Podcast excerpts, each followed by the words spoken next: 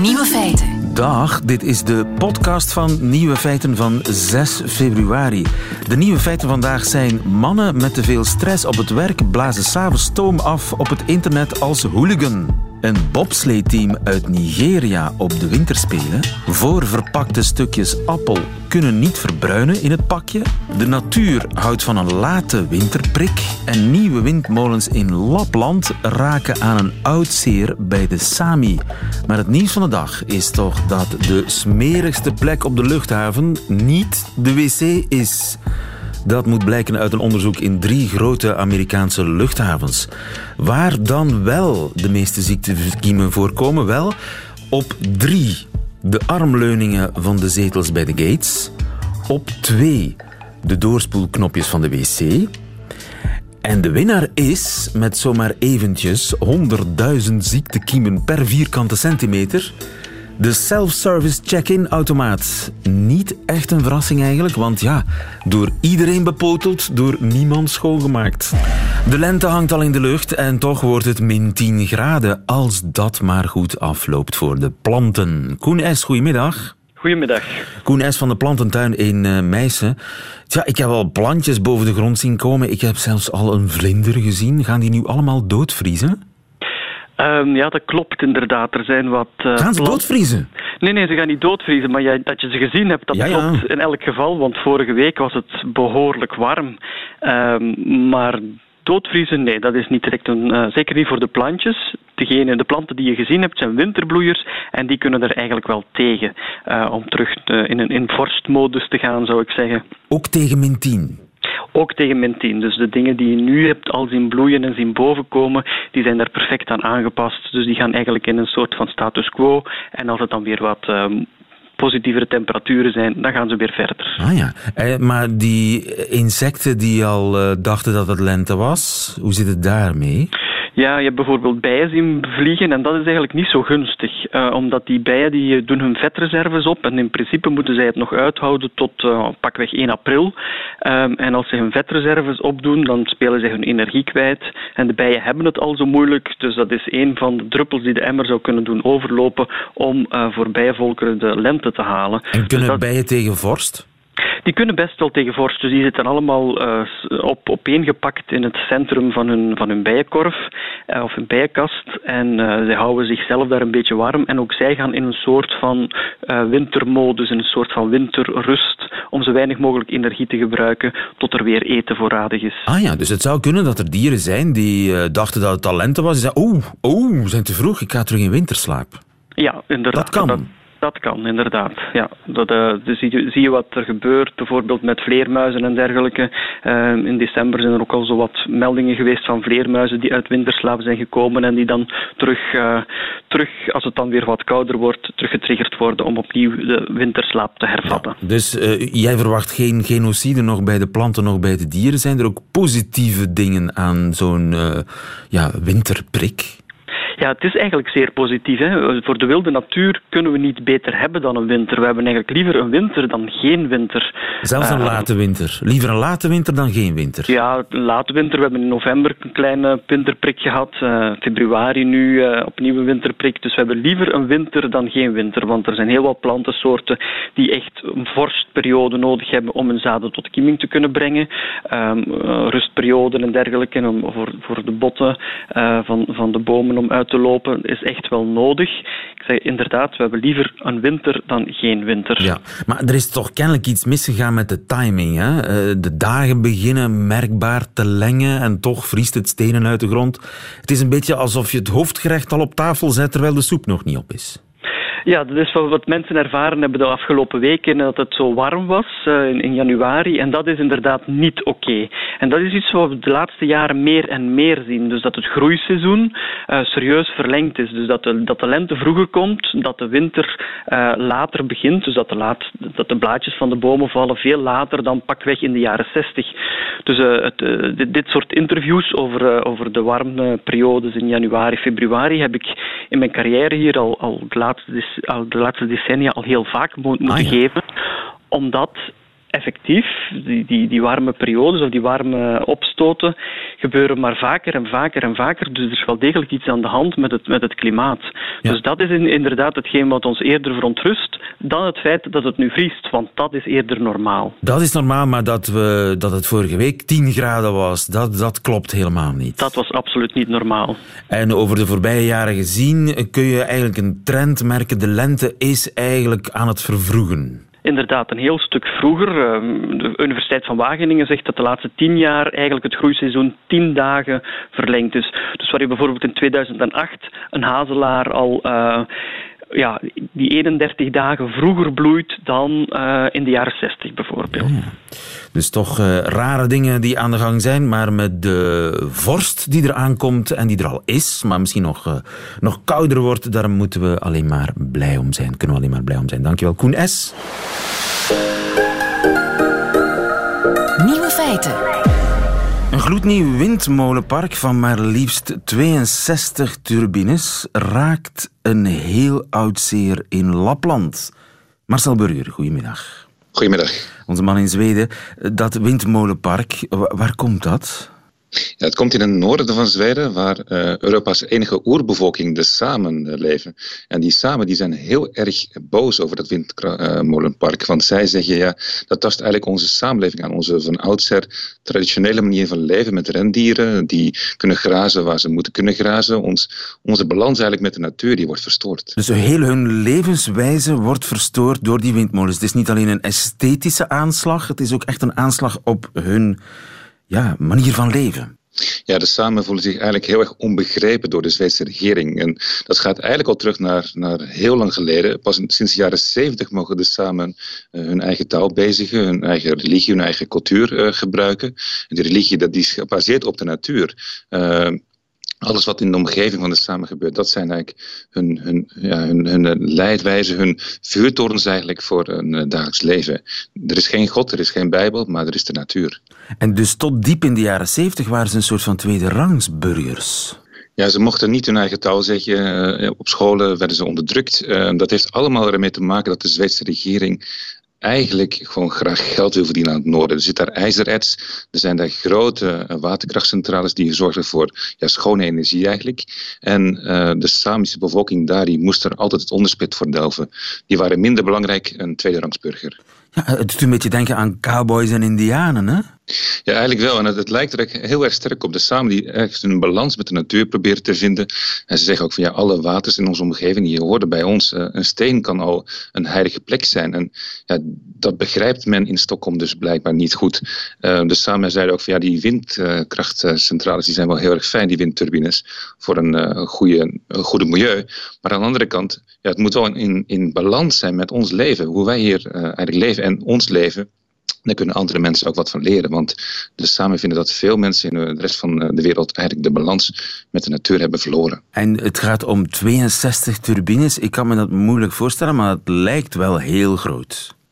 Ja, het lijkt heel groot. En Zweden is ook heel groot. Dus om heel eerlijk te zijn, vraag ik me ook af waarom moeten ze dan juist precies in dat dorp waar ze samenwonen? Want ze kunnen op heel veel andere plekken in Zweden. Ik woon zelf in Uppsala en ik zie hier nauwelijks windkrachtcentrales. Dus ze zouden hier ook meer kunnen neerzetten. En ja, als je daar helemaal in het noorden gaat bouwen, moeten er ook leidingen zijn die helemaal naar de grote steden gaan. Dus er moet, er een enorme infrastructuur worden aangelegd. Dus het is niet alleen die, windturbines, maar ook de wegen die naartoe leiden, de verstoring eigenlijk van het landschap uh, daar. Dat kan ook gewoon ergens aan de kust. Ja, maar wat zijn de argumenten om precies daar dat windmolenpark te zetten? Ja, het is een makkelijke plek om te bouwen. En, en uh, kijk, in het noorden van Zweden er zijn wat meer heuvels, er zijn ook wat bergen dichter bij de grens met Noorwegen. Dus de bouwmogelijkheden zijn daar gewoon beperkt. Uh, aan de andere kant, er zijn natuurlijk ook al wel uh, elektriciteitsleidingen die er lopen vanaf de waterkrachtcentrales.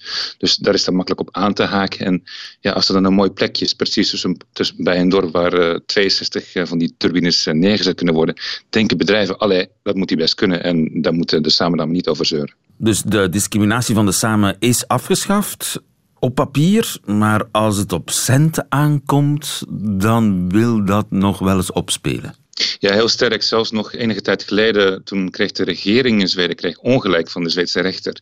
Toen het ging over jachtlicenties in, op Samengebied. De Samische bevolking die wil graag zelf de jacht kunnen bepalen wie daar gaat jagen op dieren. En uh, toen heeft de regering een, uh, een rechtszaak aangespannen en die hebben ze dus verloren. Uh, de vraag is nu hoe dit gaat lopen, want ook nu is er een rechtszaak gaande over die windturbines.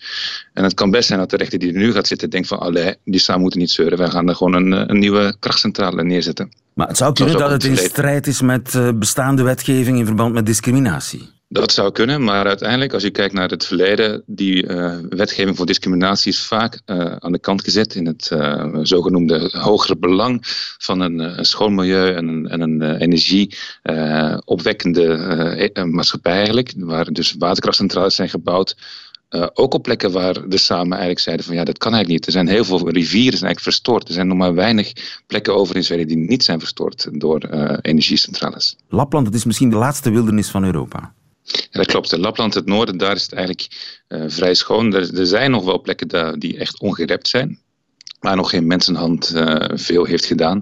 En ja, de samen willen het graag zo houden. Die zeggen onze balans met de natuur, uh, de, het contact wat de mens moet hebben eigenlijk met natuur, water en ja, uh, wat er allemaal gebeurt om ons heen, dat is eigenlijk het allerbelangrijkste. En dat is onze traditionele manier van leven en die moet eigenlijk zo blijven. Ik ben wel heel benieuwd hoe dit afloopt. Hou ons op de hoogte. Marcel Burger in Uppsala voor ons. Goedemiddag.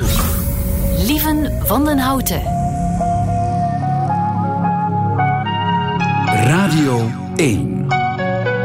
Je kunt tegenwoordig voorgesneden stukjes appel kopen. Die zitten in een plastic zakje. Heel decadent misschien, maar wel handig.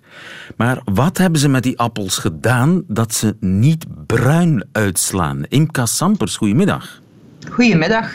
U bent uh, voedseltechnoloog aan de Universiteit van Gent. Tja, als ik een appel snij, dan begint die na een half uur al bruin uit te slaan. Hoe komt dat? Dat klopt. Dat is eigenlijk omwille van het feit dat we de beschermbarrière, welke eigenlijk de schil is, die hebben we eigenlijk kapot gemaakt door daarin te gaan snijden. En daardoor komen er eigenlijk een bepaald aantal componenten vrij die eigenlijk zorgen dat de appel bruin wordt. Dus er zit daar een substraat in. Uh, dat zijn fenolische componenten genaamd. Die eigenlijk al een beetje de kleur en de smaak van de appel gaan bepalen. Die eigenlijk onder invloed van het zuurstof die toegang krijgt, eigenlijk een bruinkleuring veroorzaakt. Dat is eigenlijk gewoon roest. Je zou het eigenlijk kunnen vergelijken met rust. Ja. Dat, is, beetje de kleur die... Het is de lucht die iets doet met het uh, ja, vruchtvlees van de appel. Ja, eigenlijk met de fenolische componenten, dat klopt, aanwezig in het vruchtvlees van de appel. Nu, dit gebeurt ook wel enzymatisch, dus er zitten ook enzymen. Dat zijn eiwitten die in de appel aanwezig zijn. Dus die komen eigenlijk door het snijden samen in contact met het zuurstof, waardoor dat eigenlijk de reactie heel snel uh, kan gevormd worden. Nu, die voorgesneden stukjes appel die zijn niet vacuüm verpakt. Die zitten gewoon los in een zakje. En ja. toch zijn ze niet roest. Hoe kan dat? Wel, eigenlijk, ik zeg het zelf al, je hebt de drie componenten nodig. Je hebt de enzymen nodig, je hebt het substraat nodig en natuurlijk bovenal het zuurstof. Nu, wat doen we eigenlijk in die zakjes? Dat is eigenlijk niet de lucht zoals die in de atmosfeer aanwezig is, maar we gaan die dus eigenlijk gaan veranderen. We gaan dus een andere gassamenstelling toevoegen in de zakjes, waardoor dat we eigenlijk de concentratie aan zuurstof gaan wegnemen. Daar zit gewoon gas in? Er zit daar een ander gas in, ja. Geen zuurstof, maar gewoon gas. En daardoor uh, beginnen die appeltjes niet te roesten. Is dat wel gezond? Tuurlijk, dat is een beschermde atmosfeer die we eigenlijk gaan toevoegen. Uh, die bestaat eigenlijk uit CO2, stikstof en een beetje zuurstof. Dus eigenlijk zijn dat ook componenten die aanwezig zijn in de lucht. Uh, stikstof is een inert gas, dus uh, die gaat eigenlijk niets doen ten opzichte van onze gezondheid. Die gaat eigenlijk gewoon zorgen dat het zakje niet gaat dichtklappen. Alright. Dus voorgesneden appels zijn net zo gezond als vers gesneden appeltjes? Die zijn zeker net zo gezond als vers gesneden appeltjes. Oké, okay, dankjewel uh, Imka Sampers. Ik ga ook kijken naar jouw filmpje op de Universiteit van Vlaanderen, die online unief met allerlei filmpjes met uh, hele interessante onderwerpen uh, die iedereen kan uh, downloaden en iedereen kan volgen en iedereen kan bekijken. Dankjewel, Imka. Dankjewel. Nieuwe feiten. Radio 1. Vrijdag beginnen de Olympische Winterspelen in Pyeongchang in Zuid-Korea. Maar de grootste helden die zijn nu al bekend. het Nigeriaanse bobslee-team. Het vrouwelijke Nigeriaanse bobslee-team. Want nooit eerder stuurde een Afrikaans land een bobslee naar de winterspelen. En de helmen die de dames zullen dragen, die zijn Belgisch. Goedemiddag, Alexander. Goedemiddag, dit is Alexander de Vos van Steenwijk van Alexander de Vos van Steenwijk van Laser, de Belgische helmenmaker. Is er ijs in Nigeria? Er is niet alleen geen ijs in Nigeria, er is uh, ook helemaal geen berg waar ooit uh, sneeuw valt. Uh, dus het is niet alsof daar een Kilimanjaro is waar de dames nee. in sneeuw hebben kunnen lopen. En dus een, een bobslee hebben ze daar ook nog nooit gezien? Het is geheel uitzonderlijk. en uh, dat tekent ook dit hele avontuur.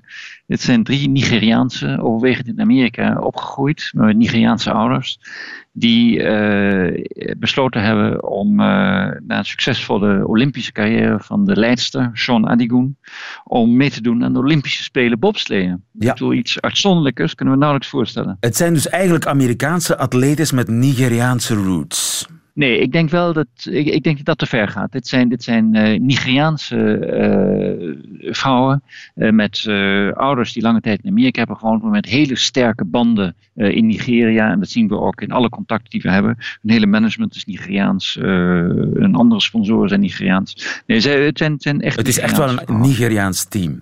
Maar ze wisten eigenlijk eerst niet wat een bobslee was. Not what it really was. All I knew of it was like the movie Cool Runnings. Right. Like everybody else knows, you know. Um, I knew absolutely nothing. um, I started from ground zero, meaning what is bobsled? Where does it happen? Yeah, how, does it happen? what are the degrees that we're going to be yeah, in? That type of thing. Right. What do you mean cold weather? right. um, so I knew nothing about it, and Sean basically introduced it to me. Ja, vrolijke dames, de drie dames van het uh, Nigeriaanse vrouwelijke bobslee-team, die eigenlijk niet wisten wat een bobslee was, hadden ze er wel één om te oefenen. Nee, ze hadden ook geen om te oefenen. Ze hebben droog moeten oefenen, lange tijd.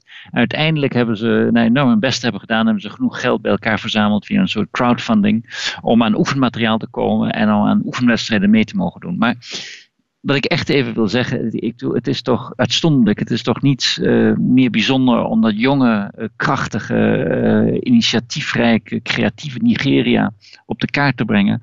Dan dat drie atletes uit het niets bobsleeën en zich ook nog kwalificeren voor de, wintische, eh, de, de Olympische Winterspelen. Ja, dat, is, ongelooflijk. Zeker als je weet wat ik heb horen vertellen, dat, dat zij hun eerste bobslee zelf getimmerd hebben. Ja, en daarmee hebben ze droog geoefend. Ja. En dat is natuurlijk iets wat heel beperkt is, omdat die bobsleeën moeten aan hele hoge technische eisen voldoen. Uh, maar ze zijn toen uh, begonnen, onverdroten, aan een crowdfunding. En ze hebben genoeg geld bij elkaar verzameld. En toen kwamen ze ook in de publiciteit. Zo heb ik een artikel over hen gelezen. En ik was zo gecharmeerd van dit uh, initiatief, van de persoonlijkheid van deze dames, wat zij wilden doen, hoe zij jong Nigeria op de kaart wilden zetten. Nee, prachtig. Dus we hebben dat heel graag gesponsord. Ja, want uh, jij bent van Laser, de Belgische eh, helmenmaker. Uh, en dus ja. jij had gewoon over haar gelezen en contact gezocht. En contact gezocht. Uh, en het is na, na, een paar keer proberen is dat gelukt. We hebben een heel goed sportief management dat in Lagos is. En daarmee hebben we afspraken gemaakt zodanig dat wij hun helmen konden sponsoren. Gaan ze winnen? Wordt het goud? Ik ben geen bobsleer wij zitten in de motorbranche. Maar ik denk dat zij, eh, dat zij nu al goud gewonnen hebben. Zij hebben al goud gewonnen voor een initiatief. Ik weet niet of het een ander uh, team gelukt is om uh, zo op eigen kracht vanuit het niets zich te kwalificeren voor de Olympische Winterspelen. Nu al de helden van de Olympische Winterspelen in Pyeongchang die deze week beginnen. Nu al virtueel goud. Alexander de Vos van Steenwijk van Laser, dankjewel. Goedemiddag. Heel veel dank. Goedemiddag. Overigens over Strong Girls gesproken, u komt toch ook naar de Radio 1 vrouwensessie All the Singing Ladies, 4 maart, vergeet het niet, 4 maart in de Roma in Antwerpen met uh, onder meer Isolde Lazoen, Marie van uh, Zap Mama, Lady Lynn Slongs die van ons Angèle en uh, Stefanie Kallebout van SX. De dames zijn volop bezig om nummers te kiezen. Eh, ze gaan eh, uit 60 jaar vrouwelijke popgeschiedenis putten. Met onder andere Ella Fitzgerald, Aretha Franklin, Billie Holiday en Nina Simone. Tickets kunt u krijgen op radio1.de. Nieuwe feiten. Internet-hooligans. Dat zijn vaak mannen met te veel stress op het werk. Ivana Vranjes, goedemiddag. Goedemiddag. Ivana, je bent eh, psycholoog aan de universiteiten van Leuven en Antwerpen. En je hebt een honderdtal tweeverdieners gevolgd gedurende één werkweek. En gekeken naar hun stress op het werk en hun internetgedrag. Zit daar een verband tussen? Wel ja, we vinden daar eigenlijk in onze studie een verband tussen. Dus wat, wij vinden eigenlijk dat uh, ja, mannen vooral, die uh, werkstress ervaren, dat ze op de dagen dat ze werkstress ervaren, dat ze zich vaker negatief online gaan uiten. We vinden dat er een sterker verband is uh, tussen stress en online gedrag bij mannen dan bij vrouwen. Dus het zijn vooral de mannen, en dan met name mannen die hun frustraties die ze op het werk hebben opgelopen, anoniem uitwerken op het internet. Wel, anoniem is niet per se het geval. Um, het gaat hier over verschillende typen gedragingen. Dus we zien eigenlijk, wat hebben we gedaan? We hebben um, koppels gevolgd gedurende een hele werkweek. En we hebben aan hen gevraagd om twee keer per dag een korte bevraging in te vullen, waarin dat ze um, op, de, op het eerste moment moesten zeggen welke dingen dat ze hebben meegemaakt op hun werk. Dingen zoals werkdruk of conflicten met collega's of andere problemen. Ze moesten ook over hun gevoelens rapporteren. En uh, op het tweede moment, dus op het einde van de dag, moesten ze ook rapporteren over welke online gedragingen die ze, dat ze hebben gesteld doorheen de avond. Ja. En we zagen eigenlijk dat um, op de dagen dat uh, mannen veel stress hadden op het werk, dus op dagen dat ze veel negatieve dingen hebben meegemaakt, dat ze dan vaker uh, negatieve gedragingen online, online stelden. En dit gaat over gedragingen zoals negatieve comments plaatsen op foto's of op berichten, maar ook negatief praten over andere mensen, um, ja. roddelen of anderen uitsluiten. En, en ja, eigenlijk dingen. mensen pesten online om de stress op het werk aan te kunnen. Ja, dat lijkt zo inderdaad het geval te zijn van ons, onze resultaten. Ja. En... We vinden hier voor mannen dus meer een sterker link voor dan voor vrouwen. Ja, vrouwen hebben, dan, hebben die minder nood om stoom af te blazen op het internet? Wij vermoeden dat uh, mannen en vrouwen ge gewoon op een andere manier met hun stress omgaan. Dus we vermoeden dat vrouwen doorgaans bij stress gewoon andere tactieken gebruiken. En voorgaand onderzoek heeft reeds aangetoond dat vrouwen die stress ervaren, dat ze vooral steun gaan zoeken bij hun vrienden of hun partner of uh, bij hun familie. Dus we vermoeden dat zij misschien op de avonden dat ze dan veel stress hadden, dat ze eigenlijk dan andere tactieken hebben toege toegepast. Ja. Um, en, en vrouwen Mannen... vinden dat lastiger om, om echt het probleem te benoemen en over problemen te praten. Die, ja, die, die blazen stoom af. Wel, wij, wij vermoeden dat op basis van deze uh, resultaten. Want um, ook uh, wat dat betreft heeft uh, voorgaand onderzoek aangetoond dat inderdaad mannen meer de neiging hebben om hun negatieve gevoelens op te kroppen en voor hunzelf te houden. En deze strategie van omgaan met jouw gevoelens is eigenlijk niet zo positief, want opkroppen van gevoelens uh, is eigenlijk geassocieerd met meer agressie. Dat wil zeggen dus dat als je je gevoelens doorgaans opkropt, dat je op andere momenten makkelijker geprikkeld gaat reageren en dat je makkelijker of sneller je agressief gaat gedragen ja. tegenover anderen. Ja, dus, dus eigenlijk we... negatieve emoties vinden een manier om naar buiten te komen, laten we het ja. zo zeggen. Dus als we die verzuring op het internet willen tegengaan, ja, dan moeten we de werkstress van vooral mannen dan verminderen. Wel, dat is één factor. Uiteraard zullen daar ook andere um, dingen in meespelen. Er dat zal zeker niet allemaal met werkstress te maken hebben. Maar ik denk dat het belang van deze studie is vooral dat het aantoont dat ja, ten eerste werkomgeving zich ook um, uiteindelijk gaat een effect ook kan hebben in uw thuis, in uw thuisomgeving. Dus uw werk kan impact hebben op uw privéleven um, en ook dus in uw online gedrag thuis. Dus uh, negatieve effecten kunnen overgaan van één context naar de andere. Ja, dat is allemaal heel leerzaam. Keep up the good work daar aan de Universiteit van Antwerpen en Leuven. Ivana Vranjes. Mag ik u hartelijk Dank danken. Goedemiddag. Gisteren vroeg ik je weer voor de honderdste keer. Doe, doe, doe er niet meer. Maar al heb je het beloofd en nog wel op mijn hoofd. Toch doe, doe, doe je het weer.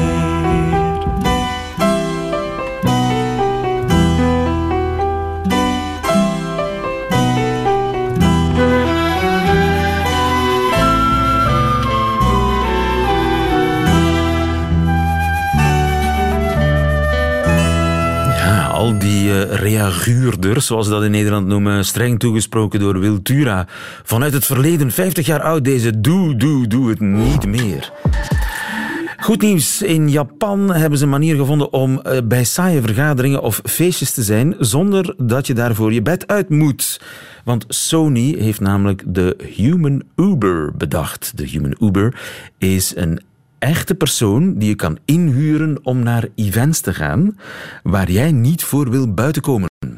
Om ervoor te zorgen dat jij er toch bent, zet die persoon een speciaal masker op waar een tablet in verwerkt zit. En via een Skype-verbinding verschijnt je kop op dat tablet. En zo komt jouw gezicht te staan op het gezicht van de persoon die in jouw plaats in de vergadering zit. Wanneer het masker op de markt komt, is helaas nog niet bekend. De nieuwe feiten nu van Nico Dijkshoorn over naar Leiden. Nieuwe feiten. Middagjournaal. Ongeveer zes jaar geleden zag ik in een winkel vol instrumenten een oude sigarendoos liggen. Het was een sigarendoos met drie snaren en een lang stuk hout eraan vastgelijmd. En over dat stuk hout liepen die drie snaren. Ach, kijk nou, dacht ik. Iemand met een leerachterstand die heeft een gitaar proberen te maken. Ik dacht dat het voor een goed doel was. Ik dacht dat deze absurde gitaar was gemaakt door gehandicapte kinderen in Polen. En dat van de opbrengst hun badkamer zou worden opgeknapt. Ik kocht de sigaarkistgitaar. Want zo ben ik. Ik koop pannenkoeken van crackverslaafden. Half afgebakken cake van vluchtelingen. En ik koop ansichtkaarten van blinde schilders. En nu had ik een hele slechte gitaar gekocht voor de kinderen in Polen. Een gitaar met drie snaren te weinig en een hals van gebogen bamboe. Zes jaar lang heeft dat gitaartje ergens in mijn huis gelegen, tot ik het een paar dagen geleden achter een berg andere zinloze voorwerpen vandaan trok. Ik zat ermee op schoot, ik had een mes in mijn handen en voor de lol liet ik dat mes over de snaren gaan. En dat klonk als volgt. Ik heb het gitaartje nu op mijn schoot. Ik laat het u even horen wat ik hoorde.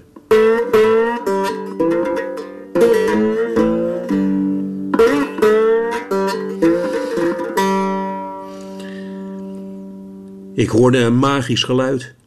Het was een geluid dat meteen een dierbare herinnering opriep.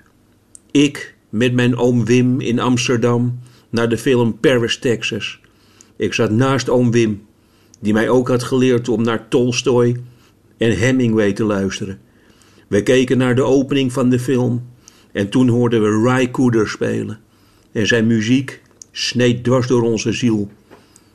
Ik kan niet zo goed op dit dingetje spelen, luisteraars, maar het is magisch. Ik heb een object in mijn handen waarmee ik mijn lieve, veel te vroeg overleden oom Wim op ieder moment tot leven kan wekken. Ik hoef alleen maar dit te doen.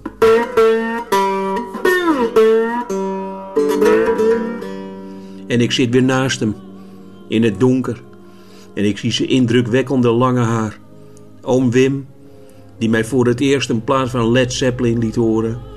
Mijn oom Wim, die voor het eerst kaarsfondue met mij had. Zo makkelijk is het soms om de doden nieuw leven in te blazen. Een sigarenkistje met drie snaren en een mes.